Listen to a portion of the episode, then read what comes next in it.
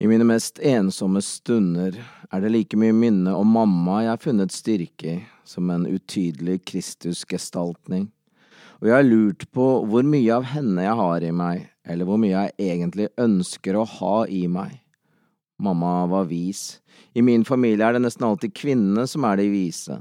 Mennene har reist husene og vommet elgene, men det er kvinnene som har gjort husene til hjem og satt maten på bordet. Mennene har kanskje bygd veiene, men det er kvinnene som har vist vei. Hvis mamma virkelig hadde vært Jeanne d'Arc, ville hun vendt ansiktet mot himmelen og ropt høyt på sin skaper, eller ville hun ha spyttet soldatene i ansiktet? Finnes det i det hele tatt noen motsetning her? Kan man ikke bøye knærne for Jesus samtidig som man spytter alle autoriteter i ansiktet, og var det ikke i praksis det hun gjorde? Og med det ønsker vi velkommen til en ny episode av eh, litteraturpodkasten Litt prat. I dag så har vi med oss en eh, gjest som er eh, veldig profilert. Vi har med oss Levi Henriksen i studio, og jeg heter Roger Gressberg. Og jeg heter Karen Gjermundrød. Og vi skal da snakke om Levis nye roman. Han er endelig tilbake med en ny roman, og den heter Den heter 'Tolv ord' fra Oskar Maier. Mm, kan du fortelle litt om hva den handler om, sånn som forlaget beskriver den? Ja, den handler om Thea Henriksen og hennes store ungdomskjærlighet Oskar Maier. En tysk unggutt og gartnerlærling på Skinnarbøl som måtte forlate Norge, trekke i uniform og dra til østfronten, der han havna i russisk fangenskap. Og romanen han, det får fram eh, historien og kjærlighetshistorien mellom disse to, eh, som viser seg å være noe Thea Henriksen eh, har, har, båret med seg hele livet i, som falmede bilder i et fotoalbum. Eh, og fortelleren, det er hennes musikersønn. Eh, og moren er for lengst død, og han har lagt fortida bak seg, og nå er han på vei til Han er i Kongsvinger rett før han skal dra til Sverige og skrive sanger til det som skal bli hans siste og beste plate. Men rett før avreise så dukker Oskar Mayers etterkommere opp i byen, og med seg har de alle brevene moren skreiv til sin kjære Oskar, og en krans til å legge på graven hennes. Mm. Og Levi, som dere sikkert hører, han er jo da sterkt opptatt av lokal uh, geografi. så det dukker opp veldig mye lokale steder her. Og det passer jo egentlig veldig bra. Vi skal prøve å grave litt mer i hva som befinner seg i denne romanen med forfatteren sjøl. Og som jeg sa, med lokal geografi, han har jo satt Kongsvinger litt på kartet med barnebøker og ungdomsbøker og lyrikk. Og nå begynner han jo å skrive veldig om familien sin, da. Og vi skal spørre litt om uh, hva som uh, ligger bak uh, disse tolv ordene fra Oskar Meyer. Ja, velkommen til litt prat, Levi. Tusen takk. Ja. Vi skal snakke da om den nye boka di, og rett før vi trykte rekord her nå, så sa du at dette er jo Kongsvingerboka. Mm. Jeg nevnte jo at det dukker jo veldig Byen dukker jo veldig tydelig opp i denne romanen her, og nå sitter vi jo på nye Kongsvinger ungdomsskole, mm. som også dukker opp i romanen, og vi har ja. Skinnarbøl er veldig relevant. Og mm. ja, kan du fortelle, fortelle, litt om dette med at dette er liksom Kongsvingerboka? Jeg har jo, jeg har jo skrevet veldig mye om, om, om lokalet her før alltid. Det er jo alltid i, i, bøkene mine, men det er jo skoglig, og det er en blanding av masse ting, liksom. Så skoglig er jo et fiktivt sted, så jeg skrev en ungdomsroman som het Så lenge himmelen er over jorda, hvor også hovedpersonen bodde i, i Kongsvinger, men der var ikke Kongsvinger så viktig for handlingen som her, nei. Hvorfor? Det, det, er jo det at uh, dette er jo en bok som delvis foregår i 1939 og, og 1940, og, og, det er jo lener seg jo tungt mot ting som skjedde i distriktet under krigen, så da føltes det veldig riktig å la det foregå på det riktige, altså Kongsvinger i stedet for det fiktive Skogli, da. Ja. Uh, og, det, og, det, var jo også en glimrende anledning til å fortelle en del lokale, lokal krigshistorie. Da. Uh, ting som jeg egentlig først fant ut uh, under arbeidet med den boka. Jeg har liksom aldri vært opptatt av, av den andre verdenskrig. For eksempel sønnen min er mye mer opptatt av det, har alltid vært enn det jeg er, liksom. Men, men, nå har jeg jo liksom vært og lest mye gamle aviser og sånt, og da da kom jeg over veldig mange historier her, så, så jeg følte egentlig at, uh, eh, at Kongsvinger liksom måtte være base for denne fortelleren da, som forsøker å nøste opp historia om uh, sin mor og den tyske gartneren som hun var sammen med i 1939-40, som ble tysk soldat. Mm. Ja, du, jeg har veldig behov for å, å, å, spørre om du faktisk fikk en telefon fra Tyskland? Ja. Sjøl deg i person. Du fikk telefon? ja. ja. Uh, ja, merkelig nok. Jeg, jeg blei altså oppsporet på Det startet med en messengermelding, uh, og så en forespørsel uh, Eller om jeg var sønnen til Jeg husker ikke om det sto Thea Thorsen, som var min mors pikenavn, eller, eller Thea Henriksen. Og, og, så Da var liksom oppfølgingsspørsmålet om noen gang hadde hørt om at hun hadde vært sammen med en tysker før krigen, og da sa jeg ja, hvis han heter Oskar Maier, fordi jeg har alltid husket det navnet kom og for, for, for, mamma fortalte meg faktisk om dette uh, da jeg var ganske liten. Uh, og så endte jo det da med at dattera til Oskar Maier, og da jeg hadde egentlig sverget dypt og hellig etter forrige bok her hos Tilene at jeg aldri mer skulle skrive om familien, men eh, denne her kom jo liksom kaste på meg, og dattera hans ville rett og slett se grava til mamma. Og jeg syns jo det kanskje var litt sånn spesielt. Men jeg tenkte, ikke så spesielt over det, for jeg var liksom akkurat på avslutningen av en annen bok, så jeg liksom klarte ikke å ha liksom to ting i huet samtidig. Eh, men da var vi oppe på grava, hun og mannen, ektemannen og, og jeg, og så la hun en krans, for hun var blitt blomsterbinder, akkurat som ja, faren var jo gartner, da. Og hun sang for mamma, og holdt en lang tale, da, som jeg med mine noe mangelfulle tyskevner takket være Trost ungdomsskole, da måtte jeg liksom bare henge med så godt jeg kunne. Men det, det, var, det, var, det var, et smått gripende øyeblikk for um, grunnen til at hun ville takke eh, mamma, var at uh, Oskar Maier etter uh, Når krigen gikk helt mot slutten, Tsjekkoslovakia 45, og tyskerne var på vikende front, så ble han tatt til fange av russerne. Så krigen var ikke over for han i 8, før i 1948, og da var det da tanken på hans norske kjæreste som hadde lovet å vente trofast forever and ever. Det var liksom tanken på henne som holdt ham oppe, da. Så mm. derfor førte hun for å takke mamma for å ha holdt liv i Oscar. Mm. Fantastisk. Ja. Du spoiler jo egentlig litt av, litt av, det som dukker opp her. ja. Men dette er vel egentlig Det er jo ikke det her som er de store Det er jo store hendelser, men det er jo ikke noe, sånne, det er jo ikke noe actionroman på en måte. Det er vel mer den derre eh, gangen i det. At alt henger litt sammen, ja. følte jeg. At her har du liksom du kommer hjem igjen til byen, og her ligger hele den historia, men den hører egentlig sammen med noe mye større, da. Ja, jeg leser og... egentlig også boka som en stor kjærlighetserklæring til mora di, ja. Og hennes person. Mm. En hyllest til henne. Ja, jeg er veldig Vanvittig bra kvinneportrett, ja. Jeg er veldig, jeg er veldig glad, glad, for at du sier det, og nå vil vel kanskje noen lure på at liksom Hvordan kunne mora hans være født uh, Ha en kjæreste i 39, for da hvis man da er litt rask i hoderegning, så er jeg bare 57 år, da. Uh, men, men, mamma fikk da barn uh, veldig ung. Hun var da 18 da hun fikk det første barnet sitt, så jeg er faktisk onkel til en fyr som er to år eldre enn meg, så mamma var da 42 da jeg ble født, da. Men jeg er glad du sier det, for i likhet med Elvis, som jo også var pinsevenn, så, så har jeg alltid vært en ordentlig mamma. Det har mammadalt. Veldig. Mm. Eh, og jeg pleier også å si det at mamma er, har egentlig alltid vært største helten min etter Johnny Cash, liksom. Hun var smart og vis og klok, og hun var liksom høvdingen vår, og hun var da en meget troende dame som aldri tvinger meg til noen ting, liksom. Så, så ja, nei, jeg har jo da det, det, er jo, som vi var litt inne på, litt sånn mangefasert, liksom. Det, det er, det, så det er jo et forsøk på å tegne et bilde fra mora mi fra hun var denne 17 år gamle stormforelske jenta, til hun uh, var den som dro meg med på møter, og jeg måtte høre tungetale og sånne ting, liksom. Det, hadde vært mm. vært interessant å bli kjent med henne som 17-åring. Mm. Ja, det er utrolig mange fine skildringer, da, av henne, som beskriver henne. Og du forteller jo også om hvordan hun lærte deg å dekode gitarspill på bedehuset en ettermiddag. Mm. Og hvordan det ga deg liksom et verktøy å hevde deg med, at det hjalp deg til å ja, gi deg troen på deg sjøl, når du møtte litt motgang her på huset, på Trosta ungdomsskole seinere i livet, for eksempel. Ja. Det er masse bra. Jeg kjenner sånn åh, gud. Eh, Det er en bra mor. Veldig, sitter veldig igjen med følelsen av det. Mm.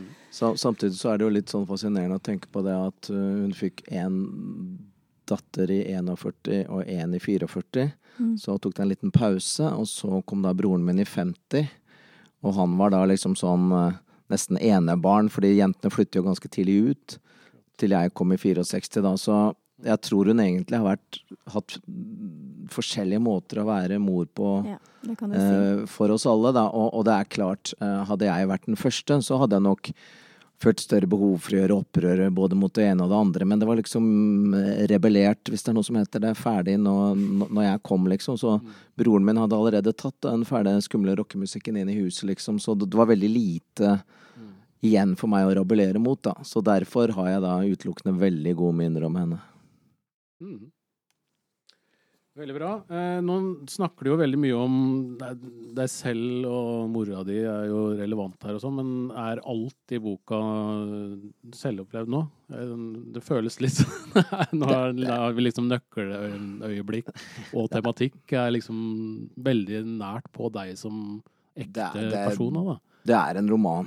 Ja. Eh, det som er virkelig, det, det er brevene. De, Ja. de er det ikke det Der er skrivefeil og alt tatt med, liksom. Fordi Mm. fikk jeg da overlevert av uh, dattera til Oscar uh, eh, Os- Oskar Maier i en, i en fin liten boks, sånn som det er skildret i, i boka. Så det, så det er høyst reelt. Og også disse første minnene som hun fortalte, at hun var på dans med Oskar, og hun endte opp med å bli slått ned fordi de bomma eh, når, de fulle nordmennene skulle slå ned tyskeren, så bommet de og traff henne i stedet. Så alt, alt dette er, eh, er sant. og eh, men, men, men det blir jo liksom litt sånn håpløst å si liksom hva som er sant og ikke. Og, og, og, særlig når, man da har eh, skrevet så mye som meg etter hvert, så, så, så begynner man nesten å få falske minner. Det er faktisk sant.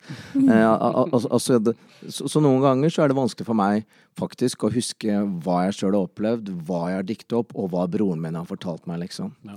Så, men, men det er, jo, det er jo som Mark Twain sa, gjennom overdrivelsen kommer man sannheten nærmest. Så, så jeg føler det er, er diktet på en nennsom og, og riktig måte, da. Mm.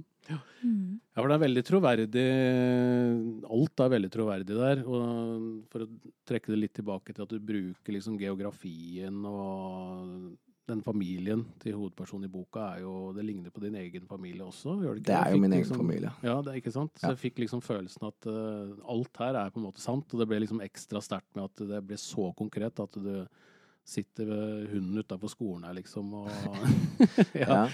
Alt er liksom veldig håndfast, da. Det er Mm. fysiske brev snakker du om, og det er liksom de stedene og gatene i byen her og alt mulig. Det er jo en ja, veldig sånn Du kjenner deg igjen veldig godt. Liksom, jeg kjenner igjen byen, og jeg kjenner igjen deg liksom i teksten her. Altså, så Det er, det, det, det er litt pussig, da, for når jeg begynte å skrive, så, så, så handla det om å komme seg fortest mulig vekk fra, fra Kongsvinger og ned til Rivieraen og skrive sånne Hemingway-postisjer. Ja. Men, men, men det var jo først når jeg liksom oppdaget for en fantastisk by jeg, by jeg kommer fra. Det er jo like mye å skrive her, om ikke mer, enn andre steder. Mm. Så, så nå var det liksom bare å øse på, på med alt. Og den største friheten i boka er jo liksom at eh, Jeg må jo innrømme at min karriere som forfatter er en del større enn den jeg har som musiker, men jeg har liksom valgt å la være mu og, og at det er musikeren i meg som liksom forteller historia, men, men de kvalene han har om å skrive sanger og sånt noe, det er jo egentlig bare mine tanker om, om det å skrive bøker. men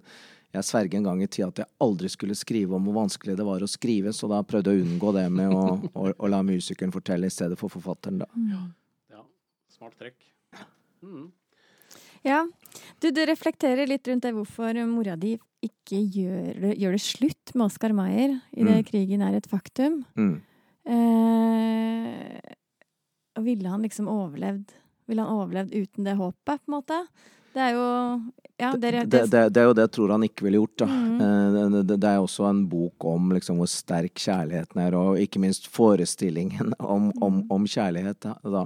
Mm. Så mm, det lå i hvert fall ikke noe papir i det, det er ikke noe som tyder på at hun slo opp med Oscar Maier for han endte jo også med å sende et brev når han kom ut fra fangenskapet, og det ville han vel kanskje ikke gjort hvis han det hadde vært slutt. Jeg veit ikke. Mm. Og, og, og, og, hvis det hadde vært slutt, så ville jo heller ikke kunne Da ville han vel sannsynligvis gått inn i en eller annen form for depresjon, liksom. Så, så, så, så jeg aner ikke om, om hun virkelig slo opp på brevet kom bort, eller om det at tyskerne i, altså Tyskerne gikk inn i Norge sju dager etter at hun skrev det siste brevet. Kanskje mamma tenkte at det, det At det gjaldt liksom som å slå opp, da, liksom. Mm. Så, og, og, så midt oppi det så, så, var det en tanke som slo meg at eh, hvis eh, Det spekuleres jo blant annet om dette attentatet mot Hitler. Hvis det hadde blitt gjennomført, så hadde det mest sannsynlig ikke blitt noen annen verdenskrig. og da ville jeg sannsynligvis ikke blitt født. Da hadde ikke du sittet her. Nei. Nei, tenk på det. Så det er hårfint. Ja.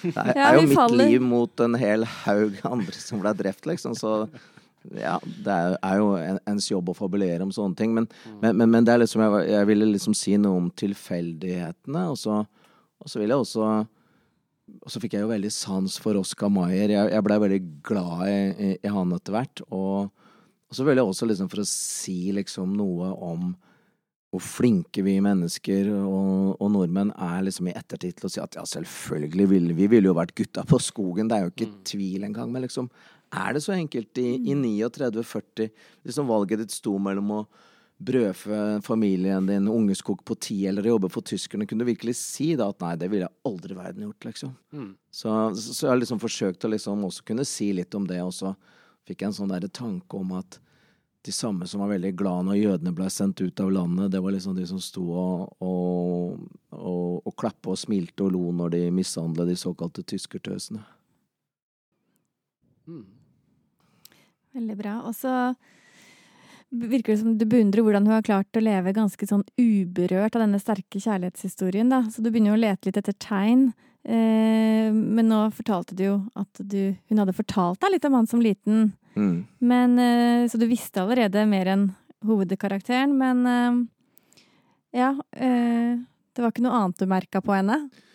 Nei, altså som da igjen i boka, så bare kom jeg rett og slett over et uh, fotografi av Garmisch-Partenkirchen, som det sto skrevet Garmisch-Partenkirchen under. Det var liksom ikke noe postkort. Et postkort hadde ikke gjort meg sånn i skjermen som spurte jeg liksom jeg har alltid vært nysgjerrig og alltid hatt eh, og tidlig utvikla en forfatterhjerne, kanskje. Så da, da, spurte jeg hvorfor hun hadde det, og da fortalte hun om Oscar Maier, og hun fortalte om han i veldig vakre ordlag, kan du si, da. Men, men jeg forsto det jo alltid sånn at uh, dette tok jo slutt når han, uh, han dro tilbake til, uh, til Tyskland. men det gjorde det altså ikke. og jeg har jo selvfølgelig ikke hatt hans brev, da, for de har jo da åpenbart blitt brent. Eh, eh eller kasta, eller whatever. Da aldri, fant ikke noe sånn i mammas papirer.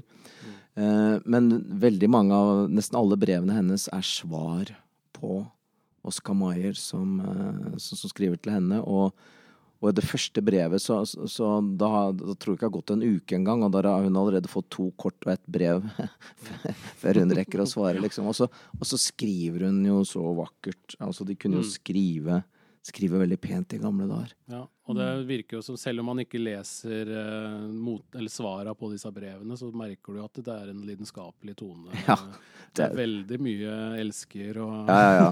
Det er veldig sånn. Ja, det fikk meg til å tenke på Stefan Schweig, som jo var en stor eh, Han døde i 41, som var uh, en jødisk forfatter fra, fra Østerrike. Liksom. Han også hadde de samme formuleringene. Og, nei, er, og, og så er det også pussig at de snakker aldri om krigen, bortsett fra ett sted. Da sier hun at jeg er mm. ute og gikk Jeg var på kino i går og gikk og så på stjernene. Det er forunderlig at det skal være så vakkert mens det er så mye opprør i verden. eller et eller annet sånt, og Det er liksom eneste gang det blir kommentert. Mm. Så det er det helt blinde for. De et... tenker bare på hverandre.